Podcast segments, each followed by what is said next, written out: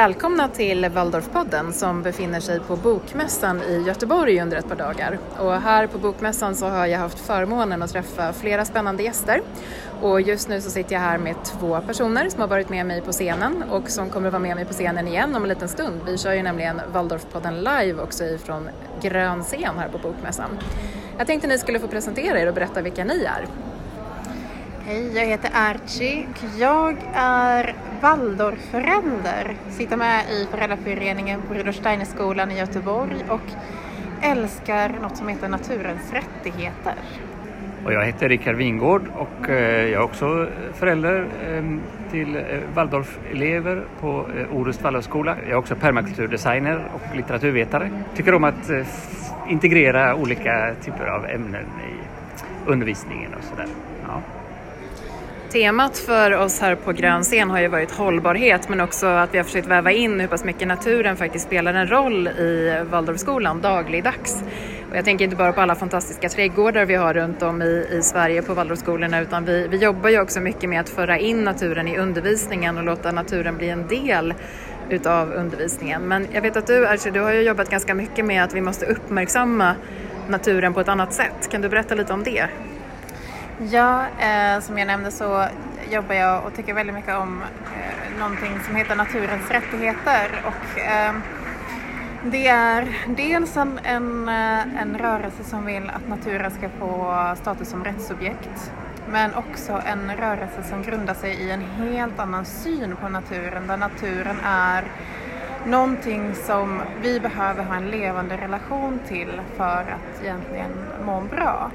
Och eh, naturens rättigheter, i, ja, själva idén härstammar från urfolkens kosmovision från anderna som kallas för Buen Vivir och där man har på många sätt belyst den här, vad som fattas i, i man kan kalla det nyliberala väst västerländska synsättet på världen där vi, där vi har liksom tappat vår relation till naturen, till, till den naturliga rytmen. Och det, det tycker jag är en, en väldigt, väldigt viktig fråga för att vi ser hur det här året blev det, det torraste, varmaste året i mannaminne i Sverige. Vi står inför en ekologisk kris. Eh, en fundamental kris i mänsklighetens historia. Och eh, vi behöver verkligen gå till rotorsaken till varför är det som det är.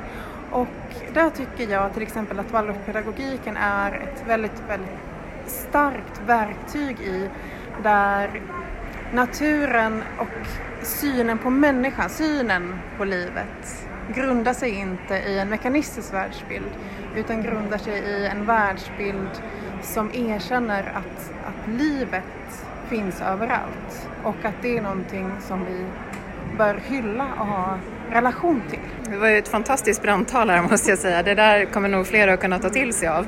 Och du och jag Rickard, vi pratade ju tidigare idag just om det här som du var inne på, den här extremt torra sommaren och hur man liksom verkligen började spara vatten på ett helt annat sätt. Jag berättade ju för dig att jag var på Öland under sommaren där det var bevattningsförbud bland annat då och man blir liksom galen. Bara någon satte på kranen så skrek man nej, vi måste ta dit hur många spannar och hinkar som helst, ni kan inte bara låta det rinna och så vidare. Och hur det där satt i sen när jag kom tillbaka hem till Stockholm där vi inte hade bevattningsförbud men jag kände att men jag ska inte slösa på vattnet. Det är viktigt att ta hand om naturens resurser. Och eh, just om det kommer till permakultur som du håller på med Rickard så är det ju just det där med att ta hand om naturens resurser som också spelar en, en lika viktig roll som det du var inne på Archie i det här med att, att tänka på att naturen är en, en, viktig och helande kraft. Då tänker jag att hur arbetar du? Har du vävt in det någonting på Waldorfskolan i Orust, det här med permakultur eller är det någonting som ni mest håller på med hemma hos er? Det är både och. Jag har fått undervisat lite på, på Waldorfskolan eh, och då har det blivit som en naturlig del att, att, att väva in eh, permakultur, eh, design och så. Och sedan har vi också skolklasser på besök hemma som kan komma och titta på hur man kan arbeta med det rent praktiskt. Ehm, och, så. och vattnet är som sagt en, den fundamentala, den grundläggande biten för allt liv och det är där man måste börja liksom, planeringen när man liksom, tänker på en, en, en, större självhushållning eller mer eh, resilient samhälle och, och, och, så vidare. Det börjar med vattnet. Och permakulturdesign handlar ju väldigt mycket om att, att titta på lösningarna snarare än problemen. Och börjar man titta på hur mycket vatten som ändå faller över ett år på, eh, i, i Sverige på alla platser så, så är det egentligen inte så att vi har vattenbrist på något vis utan det handlar mer om att vi måste ta tillvara på vatten när det kommer och spara dem till de tider när det inte finns vatten. Så att um, ur det perspektivet så, så, så blir det ett, uh, ett tillfälle att, att komma upp med kreativa lösningar uh, snarare än att bara se problemet så, med den här torra sommaren. Så, det utmanar oss till att tänka kreativt. Om man inte har en aning om vad permakultur är, kan du bara kort beskriva vad är det för någonting? Permakulturdesign handlar ju om att designa helt enkelt, eh, planlägga mänskliga miljöer med de naturliga ekosystemen som förebild. Så att man försöker bygga ekosystem där vi som människor mm, ingår som en integrerad eh, del och på det viset skapa då hållbara, resilienta strukturer. Det kan vara på, i, eh, hemma i, liksom, på en fastighet men i en kommun eller eh, på ett, eh, ett globalt plan till och med. Så det beror på precis vilken nivå som man, man lägger sig på. Jag skulle vilja komma tillbaka till att ni båda två ju faktiskt också är alltså föräldrar i Waldorfskolan.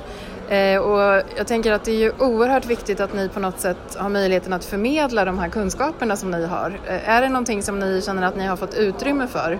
Ja, men, men det tycker jag. jag dels så jobbade jag på en Waldorfförskola och eh, var med och initierade odling där eh, som blev en del av pedagogiken. Och sen så, det, det, är ju alltid upp till, till var och en eh, och mm, hur mycket man vill engagera sig. Jag är ju av den naturen att jag alltid vill lägga näsan i blöt överallt. Och Eh, nu är jag ju istället så kommer jag från föräldrahållet till Rudolf skolan och sitter med i föräldraföreningens styrelse och känner att det, det, är ett fantastiskt forum att, att kunna vara med. Dels att få ta del av mitt barns vardag på ett helt annat sätt än, än vad jag tror är möjligt på, på så kallade vanliga skolor. Och eh, det är ett fantastiskt forum att, att få liksom vara med och arbeta med olika, olika projekt, olika förslag. Vi har till exempel basaren, hur kan vi arbeta där? Så nu planerar vi till exempel en för kommande basaren. Och jag tycker det, det Waldorfskolorna är det är den styrkan finns. Det styrka är just det här att, att man välkomnar föräldrarnas engagemang. Vilket gör det också socialt resilient. Att vi måste lära känna varandra. Vi måste vara ett, team tillsammans och det tycker jag är bara positivt. Jag tror att det där med föräldraföreningar är någonting som är väldigt, väldigt viktigt och som vi måste verkligen värna om ute på Waldorfskolorna runt om i Sverige. Och jag tror att det är bra också om ni på, som är engagerade i föräldraföreningar kanske också får kontakt med varandra lite mer än vad ni har idag. Eh, så att eh, ja, vi slår ett litet slag för det här också i, den här, i det här poddavsnittet just för att jag sitter med två Waldorfföräldrar. Jag vill gärna ge ett tips till de som lyssnar. Att vi, eh, vi har börjat med att, eh, att vi käkar tillsammans. Att vi bjuder in till eh, käka och umgås en gång per termin och det är jättemysigt. Vi käkar vegetarisk mat och bara sitter och har det väldigt, väldigt trevligt. Och det är just den här sociala hållbarheten tror jag på, att vi bara sitter och äter och pratar med varandra. Det är ett jättebra tips. Det skickar vi också vidare då. Hur har det funkat för dig Rickard på Orust Waldorfskola? Känner du att du har fått liksom utrymme att förmedla det här med permakultur till eleverna där? Jo, men det tycker jag. Inte bara eh, i form av eh, när jag har undervisat där eller vi har haft klasser hemma på besök och så utan eh, även rent organisatoriskt. Vi, vi är en väldigt, en, förutom väldigt engagerade pedagoger och så som arbetar på skolan så är det ju skolan och förskolan eh, väldigt föräldradriven. Eh, så, och ehm, jag är bland annat representant i fastighetsstyrelsen som ansvarar för lokaler och eh, utvecklingen av skolans fysiska miljö. Så, och, och, där försöker vi hela tiden föra ett aktivt samtal kring, kring hur vi kan utveckla det, liksom, lokaler och, och, och, skolmiljö mot ett mer hållbart perspektiv. Och där kommer permakulturdesignen in som en naturlig del. Så. Eh, och även när det gäller matförsörjning, alltså maten i, i köket och så vidare, hur vi kan öka andelen närodlat och, och så vidare. Det tycker jag. Någonting som jag har slagits av under de här dagarna som jag har varit här på Bokmässan det är ju att väldigt många pratar om det som vi pratar om nu. Det hållbara, man pratar om just permakultur, det har till och med varit uppe som en egen föreläsning på grön scen. Och eh, ja, alltså allt det som vi är inne på och pratar om nu, vikten av att föra in det i pedagogik och så, det har varit uppe på flera andra scener också. Tror ni att Waldorfpedagogiken eh, verkligen liksom då nu på något vis är på frammarsch? Att vi kommer att kunna profilera oss just utifrån att vi ändå försöker tänka grönt och vi försöker tänka miljö och vi försöker liksom bjuda in olika typer av projekt som det här som ni är inne på nu. Jag tror absolut att vi har liksom en fantastisk möjlighet att luta oss tillbaka till den historien som pedagogiken kommer med. Att den giftfria miljön, den naturnära miljön eh, och reds, alltså allting, material man jobbar med har alltid haft genomgående giftfritt och miljövänligt och hållbart. Och jag, jag har faktiskt förvånats över hur lite man har pratat om det och hur lite man har liksom lagt vikt vid det. Eh, så jag tror absolut att det finns en, en enorm potential att visa att här finns redan en fantastisk alternativ för, eh, för framtiden. För att jag tror, det är, ju, det är ju inte bara det här att vi, vi har miljömärkt papper och vi har giftfria leksaker på förskolan. Utan det är också den här, som vi var inne på, Eh, det enorma potentialet i den sociala hållbarheten som är väldigt eh, tongivande inom Waldorfpedagogiken. Att man jobbar väldigt, väldigt mycket med det. Och om det är någonting som, som vi verkligen behöver tänka på inför framtiden är det just det här att vi behöver bli socialt resilienta. För att går vi mot tider som är tuffare och svårare, det är då vi behöver varandra som mest. Och ett hållbart samhälle märks av, av den sociala hållbarheten. Det är där det bär eller brister tror jag. Så att jag tror absolut att Waldorf har liksom ett holistiskt perspektiv som vi skulle vara väldigt värdefullt att få ut ännu mer. Faktiskt. Ja, jag håller helt med och om man tittar från eh, det akademiska hållet, från universitetsvärlden så pratas det ju där mer och mer om behovet av tvärvetenskap, att, att jobba över disciplingränserna och så vidare. Och där tror jag verkligen att Waldorfpedagogiken liksom har en, spelar en stor roll i att liksom förbereda eh, elever och så för högre studier eh, på, ett, eh, på just det här holistiska viset som, som utmärker eh, pedagogiken där man integrerar ämnena snarare än segregerar dem.